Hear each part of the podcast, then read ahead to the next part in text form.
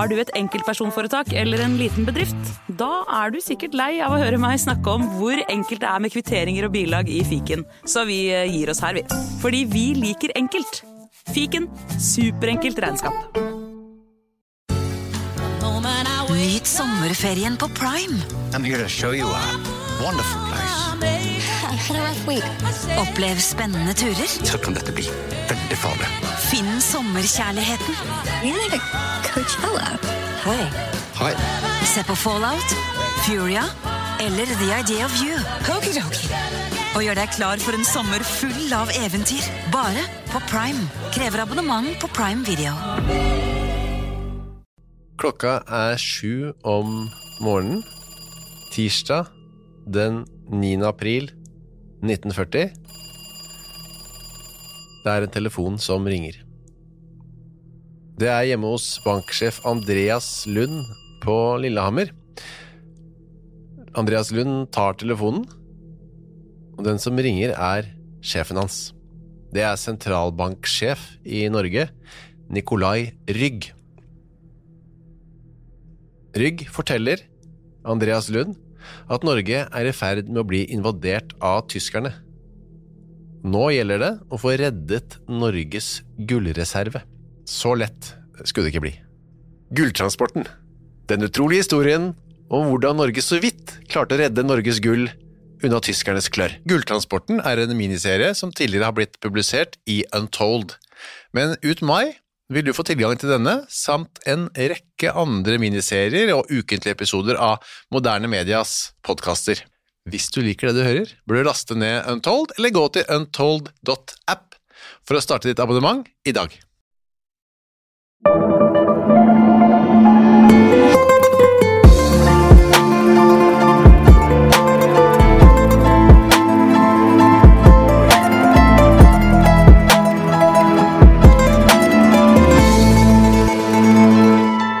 Hei og velkommen til Gangsterpodden. Mitt navn er som alltid Jim Fosheim. Det er så ryddig start, vet du. Ja, det er litt annerledes når du tar det. Jeg føler meg litt sånn der, blir- nerd. Jeg føler du ser på meg som jeg er en idiot. Nei, det blir mer show når jeg gjør det. Det har jeg skjønt. Hvis- du, hvis, du eh, safer inn. Hvis du skulle tatt det nå, hvordan hadde du gjort det? På dirra. Hjertelig velkommen til Gangsterpodden, podkasten der vi tar for oss de største rasshøla i historien. Eh, I hvert fall de som eh, lever eh, på den såkalte skyggesiden. Eh, det er mafia, det er Jeg, jeg, jeg, jeg har jo aldri noe planlagt dette her, eh, så jeg bare skyter fra hofta. Syns alltid Ja, ja. det renner ut i sanda. Så det er show kanskje i lite grann, og så blir det dårligere. Det er, det er, be, kanskje bedre å safe, sånn som du gjør det, altså. Ja, men jeg liker når du kjører show. Jeg skulle ønske en av oss var god til å parodiere Kurt Nilsen. Skulle vi hatt en Kurt Nilsen-start? Det hadde vært jævla hyggelig. Det har vært jævla fint. Det er veldig internt for de som eh, ikke hører på min podkast. Alle hører jo på Fladseth-podkast. Den har jo blitt Nei, svær. Jeg, jeg, jeg treffer ganske bredt, eh, relativt bredt nå, men gangsterfansa, de, eh, de har meldt sitt fravær. De hører sjelden på. Men- det, der, der går skillet. Men for, for, fordi vi skal nå, nå prøver vi å konvertere lyt, Nå har det blitt litt lyttere på den podkasten her òg. Hvis vi skal prøve å konvertere lyttere over til Fladseth-podkasten, så er det jo fint å gi dem en liten smakebit på noe som ikke går igjen sjeldent i den andre podkasten. For det er. She's so- high. Nei. Nei, Da vil jeg heller si at det får du eksklusivt på Fladseth. Det, det, blir Ja, ja. ikke- det blir ikke en dritt av Kurt for... Nilsen-synging her, altså. Det, for det første fordi jeg vil holde meg profesjonell. Dette her er jo en faktabasert podkast, og jeg skal ikke drive og søple det til med sånn derre absurd piss. uh, For andre så er jeg ikke særlig hypp på å dra noe Kurt Nilsen nå. Skal jeg være helt ærlig. Men for faen, kan man ikke bare drite i å ta Kurt Nilsen da? Det, jeg er helt enig med deg. For første gang Jeg har jo kritisert uh, Når vi har kalt episoden 'Dette er en kuriositet', så har jeg Ja. aldri ment at det egentlig er en kuriositet. Jeg syns det bare har vært misvisende. Så vi har egentlig kuttet det litt ut, men i dag så mener jeg at vi kan kalle episoden en kuriositet. Ja, det er jeg enig med deg. Eh, ja. Uh, og da For nå skal vi jo rett ja. Ja. Nå, ja, nå kan vi øh, Ja. Jeg merker du er god, god i, i første del av podkasten, for nå har du bygd opp på en bra måte. Og jeg er helt enig med deg, det, vi kan ikke kalle alt en kuriositet. Men eh, jeg kan jo da avsløre at i dagens episode så skal vi da eh, prate om en gjenstand, er det riktig å si? Et verktøy, vil noen kalle det. Andre vil kalle det et våpen. For vi skal da faktisk eh, snakke om en pistol. Jeg har alltid tenkt at det er maskingevær. Nærmere bestemt den såkalte Tommy Gun. Eller Thomsen Submachine Gun, som eh, var det mer formelle navnet. Og Tommy Gun er da et av få håndvåpen som eh, virkelig er blitt en del av eh, popkulturen. Altså man, man, man snakker jo ofte om eh, weapon of choice. Weapon Hva of er choice. Ditt, hva er ditt weapon of choice, eh, Jim? Hvis jeg skulle vært gangster, mener du? Ja. Um, altså, hadde det Min, vært min er jo kvelevaieren. det vet vi. Jeg elsker kvelervaieren. Mye fordi jeg elsker å si kvelervaier, da, selvfølgelig. Jeg kunne aldri håndtert kvelervaieren eh, så godt som de gamle gutta, men uh, jeg, Nei, vet du, da faen jeg, hvis jeg skal eh, Nå banner jeg, det pleier jeg ikke å gjøre, men mm, Nei, altså, kanskje jeg Man kan ikke i 2022 stille opp med en Tommy Gun, kanskje? Det blir litt gærent. Nei vel, kan man ikke det? Altså, si meg hvor de finnes, og hvor jeg får kjøpt de, ja. så skal jeg faen meg ikke gjøre annet. På skytebanen, når jeg er på skytebanen. Faen meg komme Tommy Gun på skytebanen utpå ved Grønne der, eller Uti- på, på Løvenskioldbanen.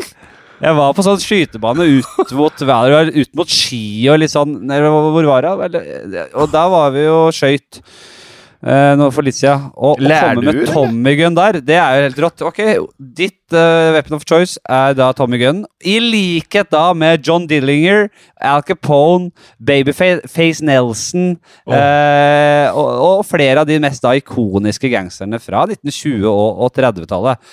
Og uh, Tommy Gunn ble jo på en måte synonymt med Public Enemies og eh, gangsternes gullalder. Og det, er- det er jo dette vi skal gå nærmere inn på nå, Jim.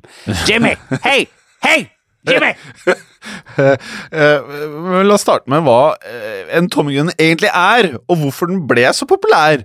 For dette er jo noe av det vi må komme oss igjennom i denne episoden. For jeg tror alle som hører på, kanskje ikke vet at det heter en Tommy men alle har sett en Tommy i en mafiasetting. Ja, og vi skal da starte med å fortelle om mannen som starta det hele. Det var John Talaf... eh, Altså Taliaferro. Taliaferro Thomsen. Åpenbart Thomsen, da. Eh, eh, og Tommy Gun er jo da, som vi skjønner, oppkalt etter, eh, etter, etter John Taliaferro Thomsen, åpenbart. Og Thomsen han var en amerikansk general som gjorde seg bemerket med, eh, med banebrytende design av håndvåpen, rett og slett. da, Inkludert da eh, dagens stjerne Tommy Gunn. Ja, så Thomsen ble født i 1860 og ble uteksaminert fra militærakademiet West Point, som sikkert mange har hørt om, i 1882. Eh, han gikk da rett inn i Hærens artilleridivisjon, og senere til am, eh, eh, Ammo-avdelinga! ammo, ammunisjonsavdelingen. Og Ja, under den spansk-amerikanske krigen, altså i 1898, utmerket Thomsen seg stort ved å da sikre tilførsel av ammunisjon i en tid der det var relativt kaotisk i Hærens ammunisjonsenhet. Ja. Og, og Thomsen eh, ble etter hvert også involvert i hærens uh, testing og innføring av Springfield M1903-rifla. Eh, og han ble ganske kjent for andre tester han utførte. Det, altså Thomsen var veldig dedikert og oppfinnsom, og han testa ut ulike kalibre på eh, eh, dyrekadavre, rett og slett. Hagla løs, hamra løs på daue dyr eh, med disse forskjellige kaliberne.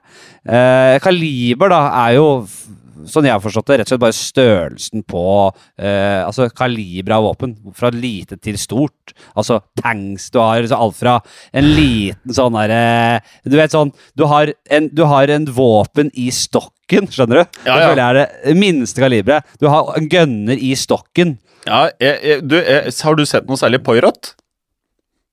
Poirot, mener du? Ja. Har du sett Ja. noe Poirot? Ja, lite. Det, Ja. Har vi snakka om det før? Ja. Nei, jeg tror ikke vi har det. Jeg ser mye Der kan jeg regne Jeg regner med at det er en del jeg, Jeg ser mye- stokkevåpen der. Ja, jeg ser mye Poirot, og det er alltid liksom fislete pistoler. Småting så vidt det penetrerer hudlaget til folk.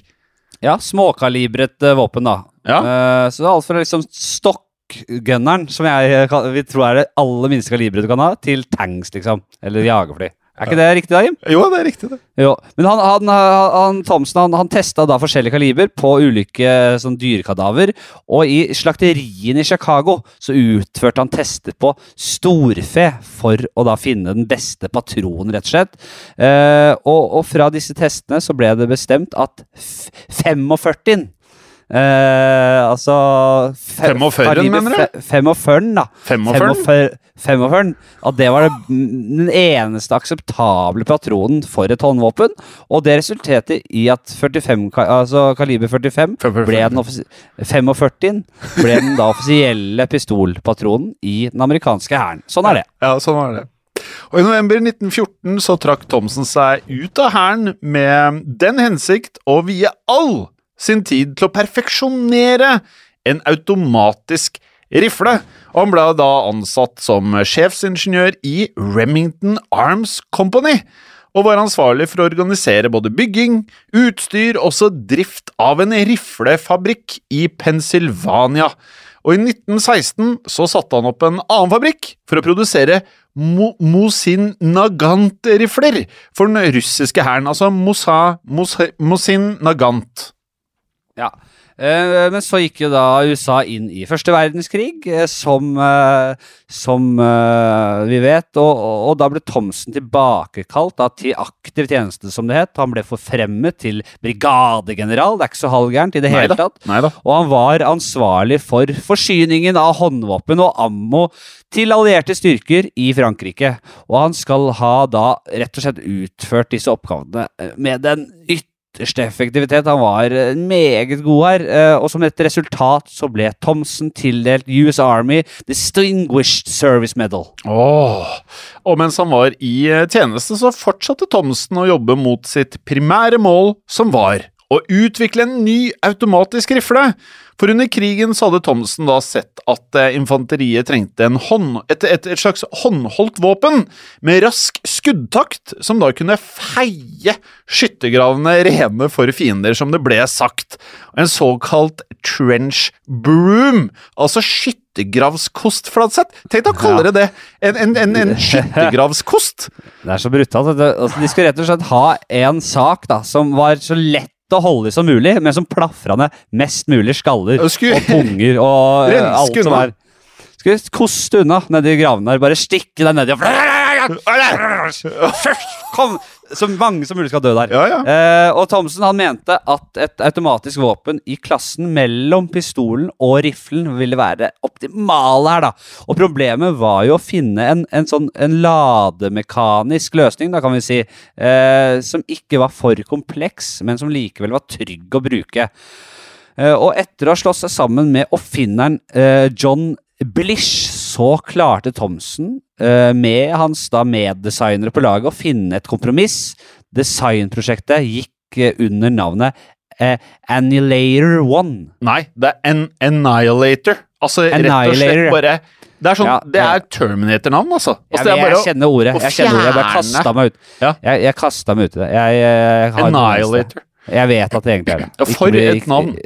Ja, Annihilator One, ja. Rett og slett. Det var det prosjektet het. Det Blish og Thomsen da eh, startet opp, da. Ja, og Thomsen han begynte mm, altså da designe Tommy Gun for å bryte opp den eh, låste krigføringen i disse skyttergravene som vi da nevnte. Men slik Fladseth skulle det ikke bli, for våpenet ble nemlig ikke sendt ut før to dager etter krigens slutt, som da var 11. november 1918. Og måneden etter så trakk Thomsen seg ut av hæren for uh, det som eh, blir da teknisk sett uh, andre gang.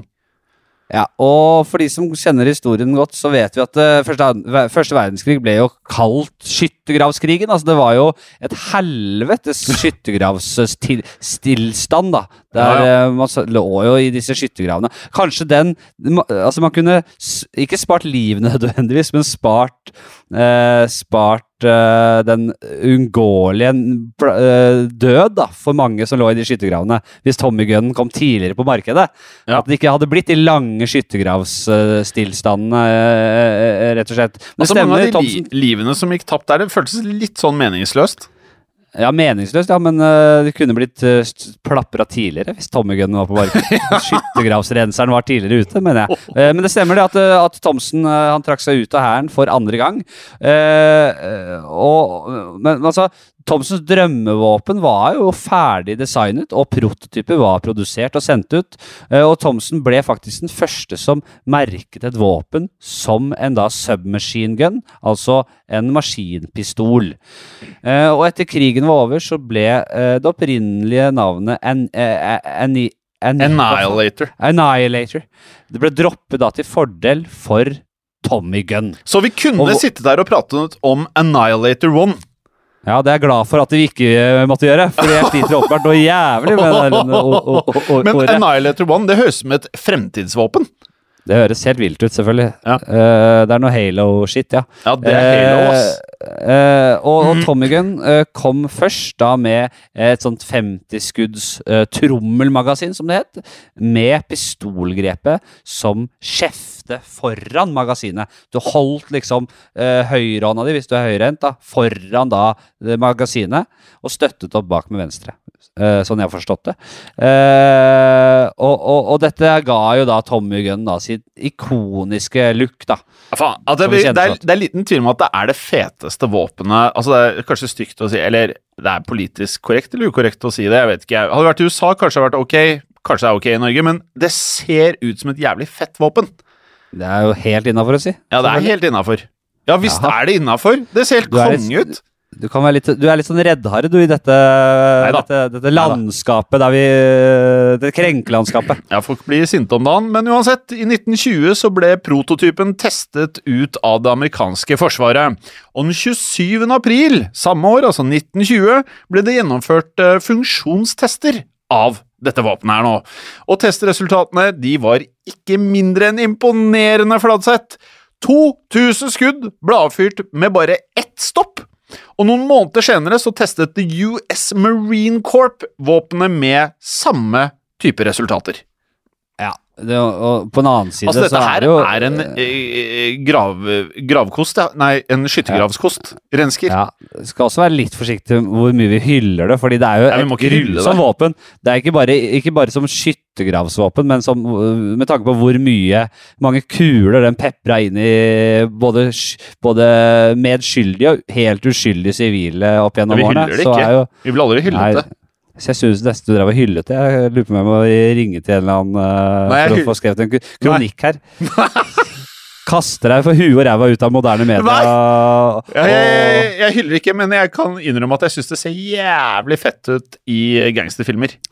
Men eh, disse resultatene fra testen var jo selvfølgelig fantastiske. Men selv om disse resultatene var så veget solide, så var det ingen som anbefalte at Tommy Gun skulle innføres i hæren. Hæren vurderte det slik at eh, våpenet var overflødig, rett og slett nå som krigen var over. Og kanskje de hadde rett. Eh, men Thomsen han lanserte da våpenet på det sivile markedet.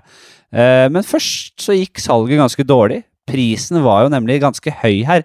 Det var 200 dollar per stykk i 1921, og det tilsvarer drøye 26 000 kroner i dag. Så folk syns det var dyrt med Tommy Gunn, rett og slett. Ja.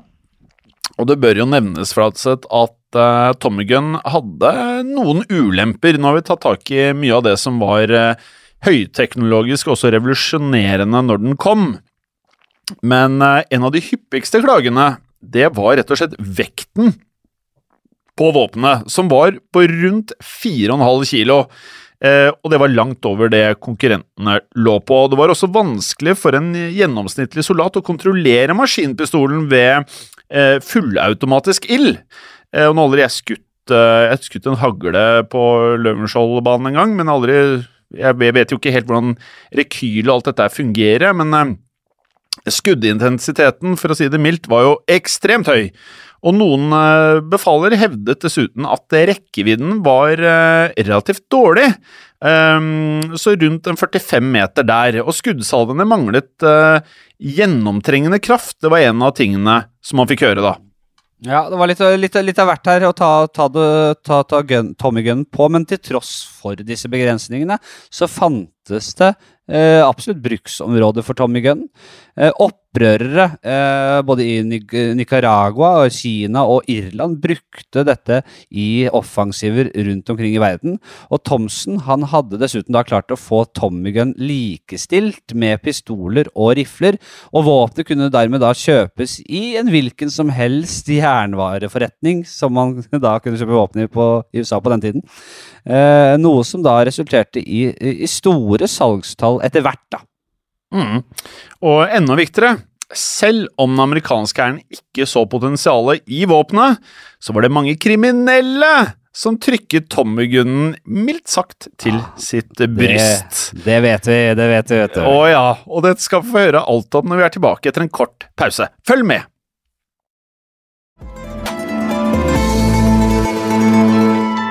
Velkommen tilbake. Før pausen hørte vi at uh, Tommy-gunnen ble avvist av den amerikanske hæren etter første verdenskrig. Og i stedet, og det er det, det som er jo mm, det merksnodige her uh, I stedet så var det, det kriminelle organisasjoner som sto faktisk for at Tommy-gunnen ble tatt godt i bruk. Og det sier jo kanskje litt om hvor mange gangstere det var på 1920-tallet. Eh, for det var preget av høy grad av kriminalitet. Og som vi har pratet om tidligere, på 20-tallet så skjedde noe veldig viktig. Ikke bare var det eh, perioden etter annen verdenskrig og vi fikk Tommygunnen, men det trådte nemlig eh, en ny grunnlov i USA. Eh, Ja, et tillegg i den Ja, eh, ja. amerikanske grunnlov, kan ja, man si. et tillegg. Og vi har pratet om det før. Det ble kalt The Volsted Act, også kjent som det nasjonale alkoholforbudet, som var starten på bonanzaen for mafiaen i USA. Ja. Perioden kjent som forbudstiden. Det var jo virkelig lukrativt for Ja kriminelle. Ja. Og ettersom det ble da forbudt å produsere og servere alkohol, så åpnet det da et uh, svært, enormt uh, svart marked, rett og slett. Mafia tok over distribusjon av øl og annen alkohol i uh, de store byene. Og det var jo svære penger å tjene på ulovlig alko, og kriminelle grupper kjempet seg imellom da, for å kontrollere territorier. Det var bruk for Tommy Gun her, rett og slett. Ja, og man skjønner at dette førte til mange mildt sagt voldelige sammenstøt, både mellom rivaliserende gjenger, men også mellom politi og gangstere. Og Tommy Guns ble derfor eh, knyttet veldig tett i denne perioden til eh, kanskje den mest kjente mafiabossen i USA gjennom tidene, nemlig Al Capone i Chicago. Eh, så, så tett var linken mellom våpenet og Capone at det dukket opp nye kallenavn på Tommy Gunnen. Bare hør på disse her, eh, Flatsetten. The Chicago Typewriter. Ja, det er helt vilt. Ja, og The Chicago Piano. Ja, den piano, den liker jeg. Det er jo jævla elegant, vet du. Men typewriter ja. som altså Ja, ja da. Jeg kan like det, altså. Ja, det er helt rått. Eh, det var spesielt én hendelse som gjorde Tommy Gunn uh, synonymt, da, som du var inne på med Chicago og Capone. Den 14. februar, vi skriver, den 14. februar 1929 så skjedde det eh, nemlig da den såkalte eh, St. Valentine's Day Massacre. Ja da. Ja da. Eh, det vet vi, og, og dette var da syv brutale bestillingsdrap som var beordret av Al Capone, som beleilig nok hadde reist til Florida like før. Og håndlangerne hans eh, eh, meide da rett og slett ned syv medlemmer av den irske Northside-gjengen i en garasje i Chicago. Og det var selvfølgelig Tommy Guns som ble brukt for å gjøre den jobben. Ja, Jim? Ja, jeg kan legge til at eh, vi har jo både i vanlig historiepodden og Gangsterpodden laget episoder om Valentine's Day Massacre, eh, så flikk gjerne opp de for å få enda mer info der, altså. Men eh, vi kan jo eh, legge til at St. Valentine's Day Massacre ble dekket selvfølgelig av de største avisene i USA. Og dette var jo også en tid der eh, amerikanske avislesere lot seg lokke av disse vanvittig svulstige og dramatiske overskriftene. Eh, og det var jo daglig å se reportasjer om eh, gangsterne. Og slik ble også mange amerikanske gangstere sin tids kjendiser. Og dette tror jeg kanskje mange i dag eh, ikke tenker så mye over, men dette er mafiafolk var kjendiser. Og noen av dem sendte til og med ut egne pressemeldinger!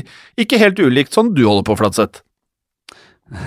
Nei, det var jo altså, så kriminelle og, og helt tilbake til liksom Når vi kjenner til liksom uh, cowboytiden, det med lovløse altså Forløperen til den tiden vi er inne nå, egentlig. Mm. Også de, eh, Altså, altså, de- disse my mytene om disse lovløse var jo også Det var stor business for pressen den gangen òg. Det Om det var. fora, fora på det der. Ja. Eh, eh, eh, og fenomenet med da sånne berømte gangstere tiltok eh, rett og slett eh, i større, altså det ble enda større på 1930-tallet. eh, som da var sterkt preget av dette børskrakket i 1929 eh, og, de- og nedgangstidene. For folket trengte rett og slett underholdning, de trengte spenning, og kampen mellom politiet og kriminelle fylte dette behovet. Ja. Eh, kjente forbrytere poserte jo ofte med tommyguns på pressebilder, rett og slett. Og, Fy faen. eh, det er så sjukt. Ja, ja, ja, det var pressebilder, vet du. Og våpenet figurerte i Hollywoods klassiske gangsterfilmer. Eh, vi snakker Public Enemy fra 1931, Little Caesar 1931 også, og, Scarface eh, 1934. Eh, hva heter den igjen? Den heter Altså, eh, første Scarface, da. Altså. Ja, første Scarface, ja. Uansett da om man har sett noen av disse Det er jo mange flere filmer enn de tre vi nevnte nå. Eh, om man har sett flere av disse gangsterfilmene da fra forbudstiden, så er man nok veldig godt kjent med eh, enten at man har sett en Tommy Gun eller en avsagd hagle, og at disse faktisk da ble båret rundt i fiolinkasser. Som jeg husker når jeg så disse filmene jeg var eh, bitte, bitte liten. Jeg, jeg ble altså så fascinert, og så er dette tatt videre, bare for å referere en annen film, nemlig Desperado. Han går jo han, El Mariachen går rundt med en sånn gitarkoffert full av gønnere! Og på grunn av eh, denne korte lengden, da, så på rundt 81 cm, så passet Tommy Guns ganske godt inn i en liten fiolinkasse av treflatsett. Det her kan jeg like! Jeg lurer på om noen hadde flammekaster i tubakasse. det er også Og ganske rått. Og så kan man jo tenke seg til Er, er dette her bare fiksjon, eller altså er det bare myter at man bærte våpen rundt i uh, musikkinstrumentkasser? Nei! Det var ikke myter! For dette var en effektiv måte å kunne bære våpen rundt omkring i offentligheten. Det er klart, ser du ti karer i uh, silkemafiadresser, alle med fiolinkasser, så du løper jo vekk. Ja, og så er det også flere eksempler på at aviser, rett og slett, altså eh, avisa, Ja, ble, avisa, ja. brukt, ble brukt da til å skjule våpen. Uh, fordi på den tiden så ble avisene De kom ut i veldig stort format. De var Ja. jævla svære. Så de avisene ble brukt til å frakte våpen rundt, og også velbrukt I hvert fall, det er kanskje tvilsomt, men jeg velger å tro at de også ble mye brukt eh, eh, av spioner med sånne hull til øynene. Avisene ble brukt mye. Men eh, det er jo også noe som kommer frem i masse geisterfilmer, at man hadde gønneren inni avisa. Ja, det er jo ingen tvil om det. Ehm, og Tommy Guns eh, ja, ikoniske status det stammet med andre ord da fra en eh, blanding av eh, noe sannhet og mye fiksjon, selvfølgelig. For selv om Tommy Gunn fikk en profilert status i mediene, var det tross alt ikke enorme mengder Tommy Guns som var i sivilt bruk. Det skal vi huske på. Og våpenet det florerte derimot mer i andre lands militære, faktisk, og senere også da i amerikansk eh, eh, hær også. Ja da, det kom inn i her, amerikansk her til slutt. Men vi preiker og vi preiker her. Vi skal, ikke stikke, noe- vi skal ikke stikke hull i noen myte om Tommy Guns, for dette våpenet spilte jo uten tvil en viktig rolle for såkalte public enemies, Ja. fiender av folket. Eh, og på 1930-tallet så ble dette begrepet da lansert i USA for å beskrive individer hvis aktiviteter ble sett på som kriminelle og ekstremt skadelige for samfunnet. Mm. Og eh, blant de kriminelle som eh, FBI da kalte for Public Enemies, var jo en film med samme navn, altså Public Enemies, nemlig John Dillinger, Babyface Nelson, Bonnie and Clyde, Pretty Boy Floyd, Machine Gun Kelly Nei, ikke han teite rapperen som er beef med Eminem. Og Barber Carpis-gjengen. Ofte så kalles jo da 30-tallet bare for Public Enemies-æraen, nemlig i historiebøkene til FBI. Ja, Tommy Guns det var eh, yndlingsvåpenet til Public Enemy nummer én, John Dillinger. Eh, Dillinger-gjengen de likte da å fjerne skulderkolben på sine Tommy Guns og ha et sånt 20-skudds magasin i stedet for trommelmagasinet. Ja. Og på denne måten så kunne pistolen skjules under en frakk, og hvis det ble skyting, så kunne våpenet avfyres med én hånd. Og, og, og slik la den andre hånda da være fri til å bære ransutbytte, rett og slett.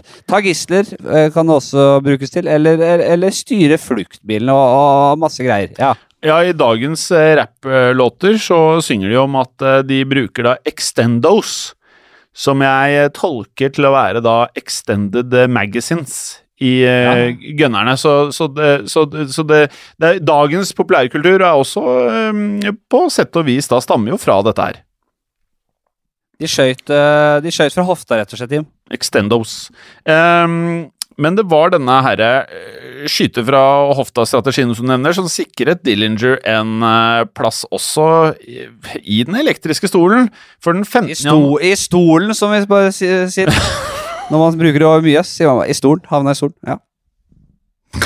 15. januar 1934 så drepte Dillinger Chicago-politimannen William O'Malley um, under et uh, ran som gikk skikkelig skeis. Og av denne forbrytelsen så satte FBI i gang en uh, voldsom klappjakt på Dillinger. Ja, og Dillingers gjeng eh, brukte senere Tommy Guns til å sprenge seg ut, eh, som man sier, av en FBI-jernring ved Little Bohemia Lodge i Wisconsin. Og da er vi i april 1933. Eh, men eh, da var dagene til Dillinger egentlig talte. Eh, natt til 22. juli i 1934 så ble Dillinger skutt ned av FBI-agenten Melvin Purvis og hans menn midt i en ganske folksom gate i Chicago hjem. Mm. Og etter hvert som Public Enemies tok i bruk Tommy Guns, så gjorde politiet og FBI akkurat det samme, faktisk. Våpenet var nå utvilsomt blitt sett som eh, svært effektivt og svært dødelig. Også Dillingers eh, allierte, altså nemlig Pretty Boy Floyd, ganske sjukt kallenavn, eh, møtte også sin skjebne foran en Tommy Gun i 1934. Og Floyd han var eh, ettersøkt han for eh, sin påståtte rolle i The Kansas City Massacre året før for noen navn. Um, og dette var en hendelse der Floyds eh, gjeng skjøt fire politimenn. Det er, det er, da begynner vi å prate sinnssyke oppgjør, altså. Uh, så de skjøt fire politimenn og en raner som var i varetekt på Kansas City jernbanestasjon. Ja. Og mens amerikanske folk hadde lest om Valentine's Day Massacre med voldsom nysgjerrighet, så reagerte folk med sinne på denne Kansas City-massakren. Og FBI-agenter eh, utstyrt med Tommy Gun skal ha avsluttet Floyds eh, eh, karriere eh, den 22. oktober 1934. Da de eh, drepte han, og de drepte han under ganske uklare omstendigheter, så vi har Mhm. ikke så mye akkurat der. Nei da. Og etter Floyds død tok den eh, mildt sagt psykotisk, altså Babyface Nelson, over tittelen som Public Enemy number one. Og Nelson han brukte jo selvfølgelig en Tommy Gun eh, når han opererte. Og til slutt så myrdet han da to FBI-agenter. Da vil vi komme til 27. november 1934. Men det var også en Tommy Gun som sørget for hans egen død, for Nelsons lik ble funnet dagen etter gjennomboret av 17 kuler fra en FBI-agents egen tommegunn. Ja. Og passende nok så var det altså da gangsternes favorittvåpen tommegunn som sikret FBIs triumf over uh, dem selv. Altså, de, ja, Mm. det ble deres egen skjebne. Eh, men vi kan jo si at selv om Public Enemies-æraen var over, så gikk ikke Tommy Guns av moten Fladseth, for frem til begynnelsen av annen verdenskrig så var eh, det totale antallet Tommy Guns i den amerikanske hæren mindre enn 400. Men ved krigen så kom store bestillinger, og etterspørselen overgikk faktisk det som var produksjonen. Litt sånn som toalettpapir når korona kom. Høsten 1939 bestilte franskmennene 3750 tommyguns og 30 millioner runder med ammunisjon. Og det ble også mottatt bestillinger fra, faktisk, Sverige og også Storbritannia. ja. Eh, og i USA så ble uh, maskinpistol fortsatt ansett som et sekundært våpen, uh, men med utviklingen av panserstyrker så ble Tommy Guns mer populære. For våpenet var mest populært blant spesialtropper som Rangers, Marine Raiders og panser- og fallskjermenheter. Eh, Og Tommy Guns ble faktisk et eh, statussymbol og svært ettertraktet blant soldater. Mange år senere så var det mange krigsveteraner som anså Tommy Gun som det beste våpenet de kunne eh, bruke, rett og slett, under andre Mhm. verdenskrig. Mm. Og for de av dere som elsker Band of Brothers, så vil dere se at det er veldig mange av de eh, som er fremtredende skikkelser der, de bruker faktisk en Tommy Gun. De har bare ikke dette herre Extendo-magasinet. Uansett, til slutt, som det går med mye teknologi, så ble også Tommy-gunnen eh, utdatert, men eh, hadde satt da voldsomme historiske spor som vi nå skjønner. Og når det gjelder da Tommeguns far, altså John T. Thompson, så rakk han aldri å se suksessen til våpenet eh, som, som han da hadde skapt for militæret. For han døde nemlig i 1940 i en alder av 80 år. Og hva var det som tok over etter uh, Tommy Gunn? da? Var det Usin? som heller ikke er halvgæren. Ha, ha! Usin! Det skal vi også ha en egen episode om. Fy faen. Det er jo moderne uh, gangsternes uh, Tommy Gun, sånn jeg ser det. Den er helt rå. Uh, Eller AK-47-en føler jeg er eh, Nei, ja, men det er ikke, det er ikke Nei, den nei. klassen, vet du. Nei. Det er ikke samme klasse. Nei da. Usin er også en bitte liten sak. det- Liten sånn der, liten veps du har i hånda, som Ja bare durer og går. Ja. Ordentlig god i drive-by-shootings. Jævlig god i drive-bys. Fy.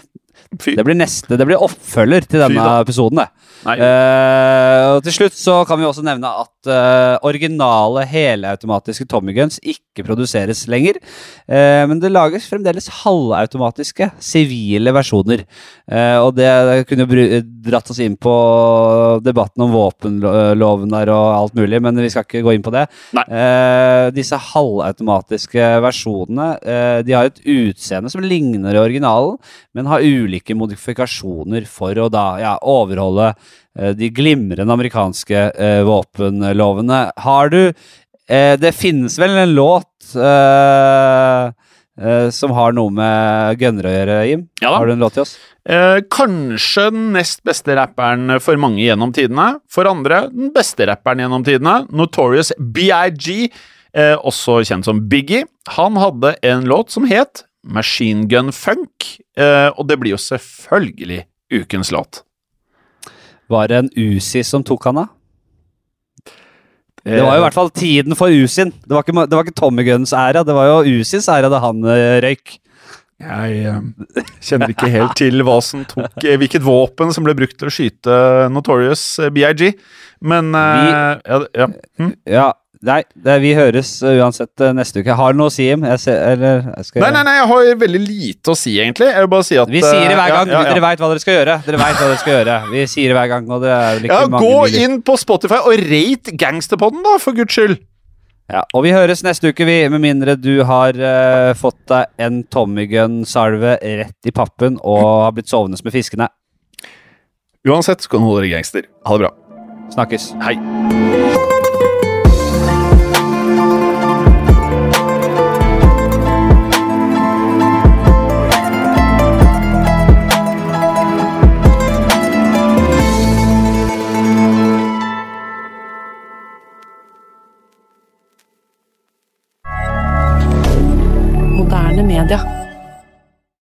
Hei, og takk for at du hører på denne podkasten. Bøddel er en eh, miniserie som tidligere har blitt publisert i Untold, men ut mai vil du få tilgang til denne samt en rekke andre miniserier og ukentlige episoder av Moderne Media sine podkaster.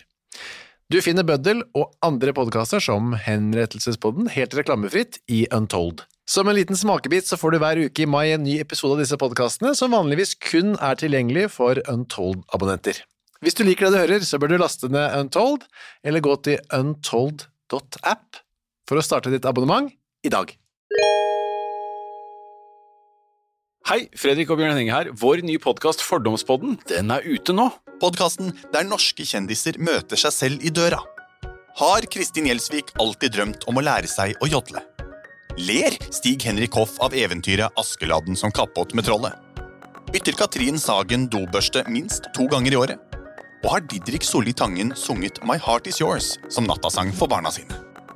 Hver uke blir nemlig én ny gjest konfrontert med både store og små fordommer i vårt forsøk på å komme til bunns i hvem de egentlig er.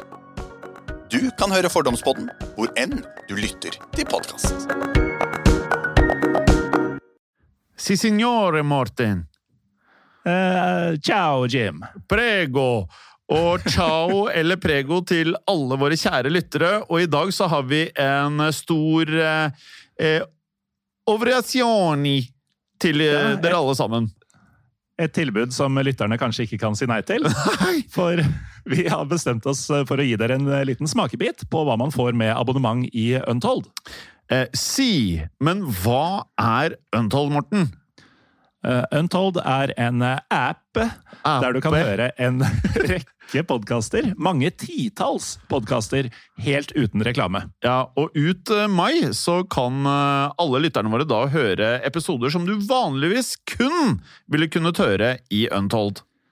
Ja, for uh, som Untold-kunde så får du nemlig en ny reklamefri episode av Gangsterpodden hver eneste uke hele året. Ja, og i eh, Untold så får du også ukentlige episoder av Synderne, eh, som da er synderne, og True Crime-podden, samt masse miniserier eh, som eh, du og jeg er med i, blant annet samlingen av Japan og også Ukrainas turbulente historie. Ja, og så får man jo også tilgang til Historiepodden, og der vil man kunne høre episoden om torgslaget i Kristiania i forbindelse med 17. mai, og den bør alle få med seg. Ja, og det tenker du er spesielt relevant, for vi er i mai måned, da, eller? Det er nettopp det, vet du. Si, og er det sånn at du som nå hører på sitter igjen og tenker at du ønsker å høre en ny episode av Gangsterpodden hver eneste uke, da er jo dette her veldig enkelt, for da er Untold løsningen for deg. Nettopp, så da går du inn på AppStore eller Google Playstore og laster ned Untold, eller du bruker nettleseren og går til untold.app for å starte ditt abonnement i dag. Si, og da kan du da få 30 dager helt gratis hvis du ikke har gjort dette tidligere også, og det er jo en eh, overraskelse du ikke kan si nei til. Ja, det er en grunn til å ikke sove med fiskene. Ja, det er det, men også holde det gangster. Ha det bra!